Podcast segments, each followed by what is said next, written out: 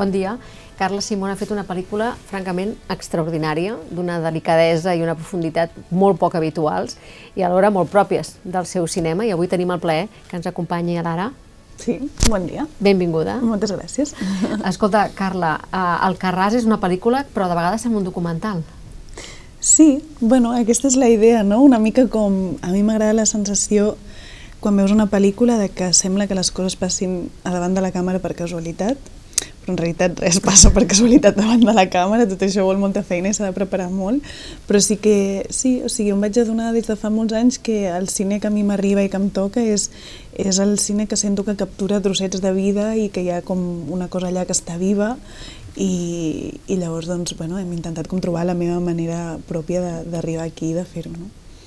Ah, de fet, els actors no han no han d'impostar gaire, ells no, no són professionals, però no imposten perquè en realitat expliquen la seva vida i parlen a la seva manera. Sí, o sigui, sí que hi ha molta feina prèvia, no?, perquè eh, cada actor que veus que, que, que forma part d'aquesta família té un pare i una mare diferent i és d'un poble diferent i no es coneixien entre ells i diguéssim que per crear aquestes relacions hi ha hagut molta feina, però sí que és veritat que en el càsting ells estan escollits una mica en funció també de, de qui són, no? o sigui, de la seva personalitat, de la seva configuració familiar, de la seva relació amb la terra, no? que en aquest cas era molt important que, que, bueno, que realment hi hagués com aquest vincle, que ells sentissin aquest vincle real, que fossin pagesos, no? que, que tinguessin la, aquesta pell, aquestes mans, que sapiguessin moure's pel camp, no? I, i també que parlessin aquest dialecte o aquest català concret de, de Lleida, que per mi era, bueno, que te sentia com un desig molt fort de, de retratar. No? D'aquesta feina tan meticulosa, eh, què ha estat el més complicat? Que ells lliguessin entre ells? Em... Clar, per mi això complicat no ha estat perquè és un procés molt llarg, però que jo, és, jo m'atreviria a dir que és el procés que disfruto més de tot el, el fer una pel·lícula, no? perquè en aquest cas um, em vaig uh, llogar una casa a l'Horta de Lleida, entre, no era entre presseguers, era entre parers, però com una casa molt semblant, no? li dèiem la casa verda perquè era verda, i allà venien totes les, totes les tardes i els caps de setmana els actors a assajar per crear aquesta família. No? I, no, I no ho fèiem sobre, sobre guió, sinó que bàsicament no venien tots junts tampoc, perquè són molts, doncs un dia venia eh, el padrí i la neta, no? o els tres germans, o els cosins, o la parella, o el pare i el fill, o el, el, el nebot i el tiet. No? I a poc a poc anàvem com creant aquestes relacions a partir d'improvisacions que jo preparava i que podrien haver passat abans o durant el que explica la pel·li en si, no? de manera que ells a poc a poc anaven sentint una mica que, que, que aquesta família s'anava creant, no? que no arribaríem al rodatge i seria com aquest és el teu pare aquest és la teva mare, sinó que ells ho sentirien de veritat. No? I, i vam, vam culminar, diguéssim, aquests tres mesos de feina amb un dia que vam fer com un dinar familiar, uh, no vam menjar caragols com a la pel·lícula, però vam fer una barbacoa, no? I, i jo allà vaig veure que sí que realment passaven coses ja de, de, de dinàmica familiar de veritat, no? O sigui, ells ara mateix encara queden i fan dinars, eh, ells amb les seves famílies de veritat també, no? O sigui, encara més gent, i, i, i continuen sentint que són una família, no? Llavors, per mi, per poder arribar on, no, on, on el nivell de credibilitat, de veure'ls i sentir que són una família a la pantalla, havíem de passar per tot aquest procés. No? Quant de temps va durar aquest procés? Doncs aquest d'aquest tipus d'improvisacions, tres mesos, on realment vam treballar totes les relacions i també eh, coses en relació a la pel·li, no? Pues, a, a la pel·lícula Han de perdre les terres, doncs vam treballar molt el fet de que estaven a punt de perdre- perdre-les, que el propietari volia recuperar, que el propietari tenia idees, que el portaven a judici, que feien un judici i anava bé, un altre que no, un altre que... No? O sigui, com que vam anar com cultivant una mica que, que el propietari, el senyor més gran es moria, també van fer, no? que era molt amic del padrí i el padrí li sabia molt greu, no? o sigui, com que tot allò que passa a la pel·lícula ho havíem anat treballant com de manera prèvia, no? O sigui, hi ha un moment a la pel·lícula que, que, que el padrí, eh, bueno, que, que el fill, no? O sigui, l'agricultor li diu al seu pare que no pot agafar el cotxe perquè el metge li ha prohibit. Doncs això ho, ho havíem fet abans, no? O sigui, havíem fet que, que el padrí havia tingut un petit accident i el metge li havia prohibit agafar el cotxe, no? O sigui, com anàvem cultivant tot això i després d'aquests tres mesos vam llegir el guió una vegada i ja està. I després vam estar una, un mes més eh, assajant les escenes concretes de la pel·li, perquè ells entenguessin també la dinàmica del rodatge, no? que s'ha de repetir molt, que, que s'ha de, de coreografiar una mica amb la càmera, no? o sigui, com vam intentar assajar les escenes a la casa on rodaríem per, pues, per fer entrades, sortides, on estaràs tu, on estarà l'altre, no? perquè eren molts, llavors a nivell de posada en escena era una cosa bastant complexa. No? O sigui que en total uns, uns quatre mesos d'assajos sí que els vam tenir. I quin és l'actor o actriu que va costar més de trobar i el que menys? Mm -hmm. El que menys és eh, el personatge que, o sigui, que fa de Glòria, que és la, la germana que ve de fora, que viu a Barcelona, perquè ella és actriu de veritat, eh, i és la meva germana, que es diu Berta Pipó, i, i era una mica com aquesta... O sigui, jo, jo sabia que quan ho escrivíem que, que ella havia de fer aquest personatge, no? perquè li quadrava molt i perquè em feia molta il·lusió també treballar amb la meva germana, llavors clar, era com la, la, que ja no van buscar. No? I, I després, el que més va costar de trobar, mmm, jo diria que o el padrí o el Quimet, que, no? perquè són els dos... O sigui, en el cas de, del Quimet, que és l'agricultor de 40 i pico d'anys, quan, quan vam fer el càsting, que això per sort era prepandèmia i anàvem a les festes majors dels pobles, no? I, i hi havia molta gent sense mascareta, podríem mirar eh, doncs, no? o sigui, qui, qui volíem o qui encaixaven els perfils i els convidàvem a venir, els agricultors sempre ens deien jo a l'estiu estic collint, estic treballant, no? llavors costava una mica. I no va ser fins que ja va ser com més hivern, que estàvem una miqueta més tranquils, que podíem anar posar el moment del cafè i tal, i llavors va haver una manifestació molt gran, just abans, o sigui, un mes abans que ens tanquéssim per la pandèmia, eh, on estaven tots els pagesos. Una manifestació pues, per reivindicar els preus baixos de la fruita i aquestes coses, i allà ens vam adonar que no havíem vist a molts, però em van poder convidar a més perquè estaven tots junts. No? Llavors, per aquest personatge la manifestació aquesta va ser com molt clau, i els padrins també ens costava una miqueta convèncer-los. Moltes vegades ho fèiem a través de la família, no? de doncs, veniu junts, amb una neta, un padrí, un... Sí. Hi ha una conversa deliciosa entre padrines sobre el fricandó. Sí. Això com surt? Això surt eh, perquè elles o sigui, elles tenen, són infinites, o sigui, tenen una pel·lícula cada una, no? I, i, i tenen com una capacitat creativa a nivell de diàleg que vull dir que, que és que feina vam tenir per editar, per treure coses, no?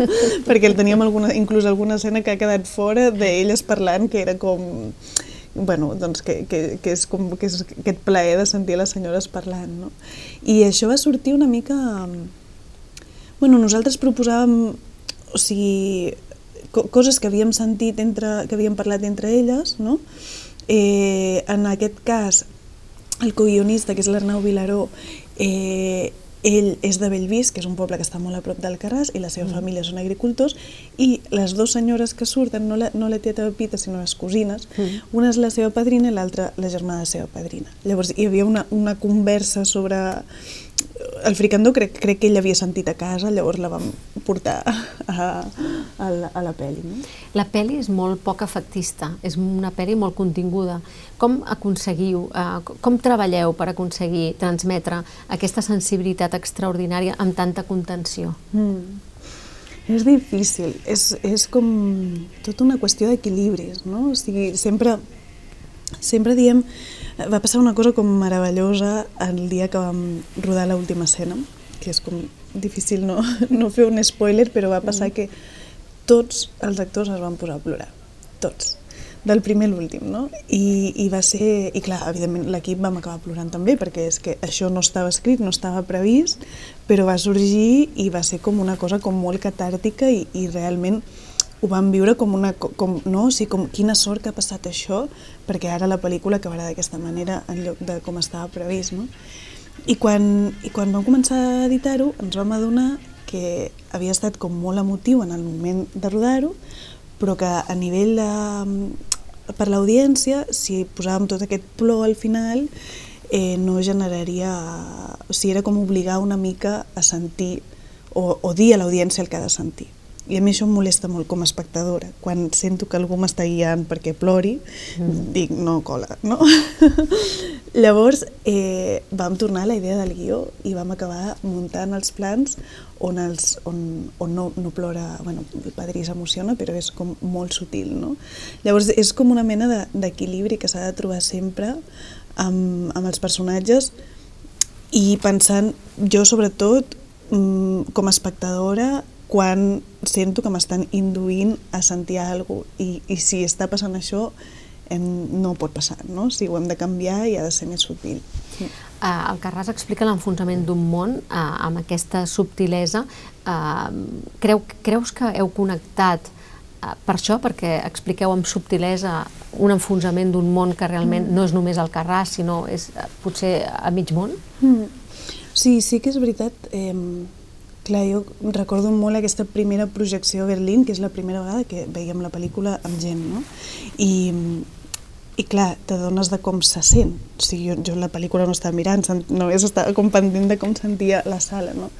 I, va, I em va semblar molt fort el fet de, no? de que un públic de llocs tan diferents com el de, el de Berlín, no? o sigui, de, tan internacional, s'emocionés, riés en els moments que nosaltres esperàvem. No? I em va fer reflexionar molt de per què passa això, no? I al final penso, penso bueno, tothom té una família, no? o sigui, encara que siguin dinàmiques diferents, però tothom sap què és tenir una família, i a tots els països hi ha una agricultura en, en aquest model de fer agricultura en família que està en general en crisi. No? Llavors jo penso que al final hi ha com dos coses que, que es troben a la pel·lícula que la gent, sigui d'on sigui, s'hi sent identificada. No? Però sí que és veritat que jo em sento com molt afortunada de sentir que la, sensibilitat, la sensibilitat que jo tinc a l'hora d'explicar les coses i aquesta subtilesa, la gent l'entén, no? Eh, perquè és la meva manera d'explicar i, i podria ben ser que, mm, bueno, pues, pues que hi hagués gent que no entrés i segur que hi ha gent que no entra, no? evidentment, però, però sí que penso que és com, bueno, que, que sentir que fas el que sents i de la manera que sents i després arriba la gent és, és una sort, no? Com anar a Berlín devia ser extraordinari, no? Una explosió. sí, va, va ser molt intens perquè vam estrenar la pel·lícula doncs, un dimarts era i estàvem com amb tota l'emoció de, no, del que havia passat en aquella sala, que havia estat com realment molt màgic, no? i ho estàvem celebrant en un, en un local, no? en un bar, per, bueno, per, en part de l'equip, que va venir molta gent de l'equip, els actors i tal, i ens van trucar i ens van dir que ens havíem de quedar eh, perquè l'endemà era la gala, o sigui, va ser tot molt ràpid, perquè el, el festival era més curtet que normalment eh, per, per un tema del Covid. Llavors ens van dir que ens havíem de quedar i no ens van dir per què. Llavors, clar, va ser com... O sigui, jo aquell dia no vaig tenir temps de posar-me nerviosos perquè, perquè tenia com entrevistes tot el dia, i, però tot l'equip sí que va tenir temps, no? I clar, va ser com molt emocionant eh, perquè clar, estàvem... per mi va ser molt curiós, perquè estava sentada a casa i al mateix lloc de la sala que quan estàvem estiu, uh -huh. eh, i estiu 1993 ens van donar el Premi Òpera Prima, que és el primer que donen. Uh -huh. Llavors, eh, va, va, no vaig tenir temps ni de, no, ni de seure quasi, que ja estava allà a l'escenari i ja havia passat. I en aquest cas va ser tot el contrari, va ser l'últim premi que van donar, no? I clar, nosaltres no ho sabíem, llavors anàvem donant ositos i, i quan només en quedava un, no, ens vam mirar de... Jo vaig pensar, igual s'han equivocat, no? Perquè això és com molt gros. I, i no, no, llavors sí, va ser, o sigui, sí, va ser molt, molt emocionant, molt fort. Estiu és una, és una pel·li que parla de la vida quotidiana, no? de sentiments, de, de, de la teva vida, i aquesta també parla d'alguna manera de la teva vida. Mm -hmm. I la propera eh, veig que estàs embarassada. Sí. Estic embarassada, però no, en principi no parla d'això, perquè això, mira, saps, és, és com, encara no, no, no ho he digerit, no sé què serà. No? És una nova aventura. És una nova aventura. En què estàs treballant ara? Eh, clar, quan, com la pel·lícula s'havia de rodar el 2020, no? vam haver de posposar un any, i, i això va ser dur i per mi la manera de, de, de, de lidiar amb això va ser com, doncs em poso a escriure una altra cosa i així aprofitem el temps, no? Però eh, és veritat que encara no estem parlant massa d'aquest projecte. Puc dir que es dirà Romeria, en principi, si no li canviem el títol, i que parla sobre la memòria familiar que no tenim. No? O sigui, com, a mi la, el tema de la memòria familiar és una que, que, em, que m'inquieta, que em preocupa molt i que em sembla molt important que, no? que, que sento que ens defineix com a persones i, i ara en un moment on jo tinc una família molt gran però la, la generació dels meus avis ja no hi és no? i es, es perd amb ells pues, molta informació no? doncs parla una mica de, de, de què passa quan no tens aquesta memòria familiar. No? Vas veure la pel·li per primera vegada a Berlín i ara al cinema del Carràs eh, reobrirà per projectar la teva pel·lícula. Sí. Això et fa il·lusió? Eh, molta. Sigui, molta perquè bueno, s'ha organitzat a través del circuit urgellenc, que, que és com una mena de cinema itinerant que va pels pobles, eh, pues, a projeccions en moltes localitats de, de la zona de Lleida, crec que també de, de Tarragona, que, que clar, són, són sales que feien molt de temps que no es feien servir com a cinemes, no? I, i crec que això, bueno, a mi em, em crea molta satisfacció, sobretot de, per la idea de que hi hagi pues, gent gran que igual no agafaria el cotxe o inclús nens que poden anar junts a veure la pel·li, no? O sigui, com gent que, no, que d'una altra manera no veuria la pel·lícula i que la podrà compartir al seu poble i anar-hi a peu i, i que és com una idea que ara mateix em sembla molt antiga, però, però que al final és l'essència del cinema, que és com veure una pel·lícula col·lectivament, no? Dimarts s'estrena la pel·lícula Nervis? A Lleida, a Lleida, sí. Lleida, al lloc dels fets. Sí, sí. Sí, una mica, clar. Eh, perquè per mi és com l'última pantalla que hem, que hem de passar, no? Com que va anar bé, bé a Berlín, a Màlaga, i la setmana passada vam tenir estrenes a, a Madrid, però clar, ara és, anem a veure la pel·lícula al lloc on la van fer i amb la gent amb qui la van fer i de la gent que retrata, no? I, i no sé, o sigui, tinc com molta curiositat de veure com, com la rebran, si se sentiran identificats i representats o, o què. És com un sentiment de responsabilitat? Sí, jo crec que sí, o sigui, de responsabilitat i de i també d'estar a l'altura de les expectatives que ha generat tot això, no? perquè són moltes, vull dir que, que tothom allà està molt content pues, pel fet de que la pel·lícula ha posat un territori en el mapa que no, no, hi és, no està normalment no, a, a la boca de la gent i, i des de Barcelona sobretot, o sigui, no, no sabem masses coses d'allà, mentre que és el que ens dona de menjar i hauríem de saber bastant més, no? Llavors jo crec que en aquest sentit eh, han estat com molt contents, no? Però, però clar, a mi m'agradaria que també estiguin contents per la pel·li quan la vegin i a veure què passa. El Carràs, de fet, es veu molt poc. Per què es titula El Carràs, la pel·li? Doncs pues mira, perquè aquestes coses són... O sigui, els, els meus tiets cultiven presseguers al Carràs, és, és el poble de, de la meva mare i, i el que viu la meva família, i, i és veritat que no es, o sigui, vam rodar com per la zona no? del Segrià, del Pla d'Urgell, el càsting el van fer amb, per tota aquella zona també, o sigui, com, com, com que realment és una cosa molt repartida no? entre, entre la zona, però per mi el Carràs té alguna de, de la sonoritat que, que representa molt bé la pel·lícula, no? o sigui, com que mm, té alguna com molt contundent, molt arrelat a la terra, no? i de, de com sona, no? ens agradava molt. Una mica sí. sec, sí. I, I després també hi ha molts pobles que comencen per alt, allà, no? o sigui que també representa la zona en aquest sentit. No? I, i ens vam estar plantejant en un moment donat d'inventar-nos no, un nom de poble però ens agradava tant aquest que al final pues, ja es va, es va quedar. Estiu 1993, eh, quan, després, quan la pel·li va ser un èxit, en algun moment vas dir que era una càrrega, que era una mica una sí. càrrega feixuga, aquesta pel·li. Per la qüestió emocional, per haver d'explicar tantes coses, haver d'explicitar tantes coses que tu expliques de manera tan subtil, per què va ser una càrrega? Bueno, jo crec més que, que ho deia per, en quant a la pressió que jo sentia per la següent, no? O sigui, com eh, com, com que de sobte havia anat molt bé amb Estiu 1993 no? I, i havia tingut molts premis i, i, i bueno, com de sobte pues, tal, com, tal com va anar la cosa jo pensava és que és molt difícil que fer una pel·lícula que vagi millor no? o sigui, bueno, em semblava bàsicament, pràcticament impossible jo pensava, bueno, haig, haig d'anar entenent no? de que això va ser bueno, pues una cosa que passa una vegada a la vida i ja està no? i, i clar, jo sentia com aquesta pressió, pues, sobretot en el moment de posar-me a escriure al Carràs, no? I que, que dius, bueno, ara què ve, no? i sents una mica d'angoixa. Després ja quan estic treballant m'oblido de què diran i què pensaran i, tot, i, i si estiu era millor no, i ja està, no? Però vaig tenir un moment una mica com difícil a l'hora de posar-me amb el nou projecte, no? I, i res, després eh, pues, quan va passar allò de l'os de Berlín, no? molta gent em diu ui, quina pressió ara per la següent, i per mi és com, no, no, jo el que sento és una alliberació absoluta de l'èxit de l'anterior. No? Què, què s'ha de fer? Què, què, cal, què cal per ajudar aquesta generació de directores esplèndides que no es quedin només en una òpera prima? Doncs confiar en les nostres veus no? I, seguir, i seguir recolzant el nostre cinema, bàsicament. No?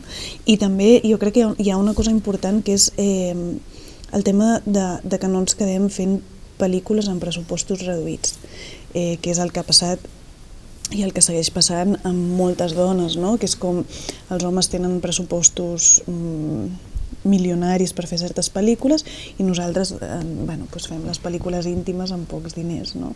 I jo crec que això ha de començar a canviar perquè penso que una dona pot tranquil·lament dirigir una pel·li de Marvel, no? evidentment, o, o una pel·li de ciència-ficció que necessiti pressupostos més grans.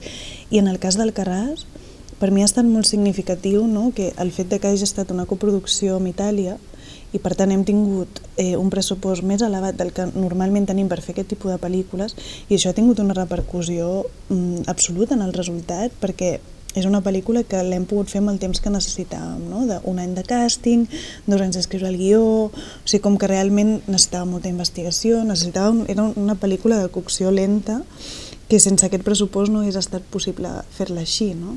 I per mi ha estat com molt representatiu no? adonar-te que, quan, que estem molt acostumats a fer cinema en precari aquí i que quan realment tens un pressupost que s'ajusta al que necessites com a director, no has, de, no has de fer renúncies i pots dur a terme allò que tens al cap de la manera que ho tens al cap i això té, té unes repercussions en el resultat, sens dubte, i en el fet de que després la pel·li també arribi a viatjar més, no? Per tant, les, eh, les directores necessiten el mateix que els directors, diners. Sí, exactament. Diners i paritat, que, que per més que ara hi hagi molts premis o molts festivals que han guanyat dones i tal, eh, la paritat encara no hi és, no? O sigui, jo crec que és, hem d'arribar a un punt on, on som la meitat del món, per tant hem d'explicar la meitat d'històries i encara no estem allà. Per més premis que ens estiguin donant, eh, encara és molt més baix el número de dones dirigint que, que d'homes, no? Una de les coses eh, que té la pel·lícula és que parla català i parla català, òbviament, de la zona on es parla. Aquesta sensació que has anat de l'ultralocal o del local a l'universal, com es porta? Mm. Pues, bueno, és, és mm, o sigui, adonar-te una mica de que realment les històries eh, han d'estar explicades amb la llengua que tingui sentit que estiguin explicades, o sigui, nosaltres en cap moment, però que no se'ns va ni passar pel cap que aquesta pel·lícula fos en una altra llengua que no fos el català i el català de Lleida en concret, o sigui, estem retratant, és un retrat d'una zona, per tant, mm, seria com molt absurd que, que no fos així, no? I, i clar, t'adones que realment les més enllà de l'idioma en el que són parlades, les pel·lícules tracten de temes humans no? I, i, que, i que realment la gent s'identifica igualment. I per mi hi ha una cosa com molt, molt bonica que he viscut tant amb Estiu com amb Alcarràs, que és que la gent descobreixi que existeix el català gràcies a la pel·lícula, no? O sigui, com, com que això m'ha passat, no?, d'algú que em digués, però, però jo sé una mica de castellà i, i que això no és castellà, no? I llavors, bueno, pues dir, no, és que hi ha una llengua que es parla en aquesta zona en concret que, que es diu català i que, i que parla bastanta gent i, i és la de la pel·lícula, no? I llavors, clar, t'adones una mica com de la capacitat de la cultura de creuar fronteres i d'exportar-nos i, de, i de fer descobrir a la gent eh, pues el, pues, pues el, la nostra realitat. No? Igual que nosaltres sabem moltes coses sobre França, sobre Japó, masses coses sobre Estats Units, no? gràcies a, a la cultura audiovisual. No? La, a la pel·li és tan realista que en el moment en què els nens fan, eh, canten, ballen o fan comèdia, diguéssim, la fan en castellà. Sí. bueno, això passa, no? Els nens quan juguen... Jo ho feia molt, això de petita, i, i, i, amb, el, i amb els nens amb qui, amb qui bueno, que han fet la pel·lícula també el, els hi passava. Jo crec que eh, això és, també s'ha d'integrar, no? O sigui, com, com a retrat realista que vol ser la pel·lícula, eh, si hi ha un temporer i se li parla en castellà, pues, eh, també ha de poder sortir una mica de castellà. No? Mm -hmm. Carla, moltíssimes gràcies per acompanyar-nos. Uh, felicitats per la pel·lícula Merci. i que vagi molt bé l'estrena. Moltes gràcies, això esperem. Fins aviat, moltes gràcies per seguir-nos.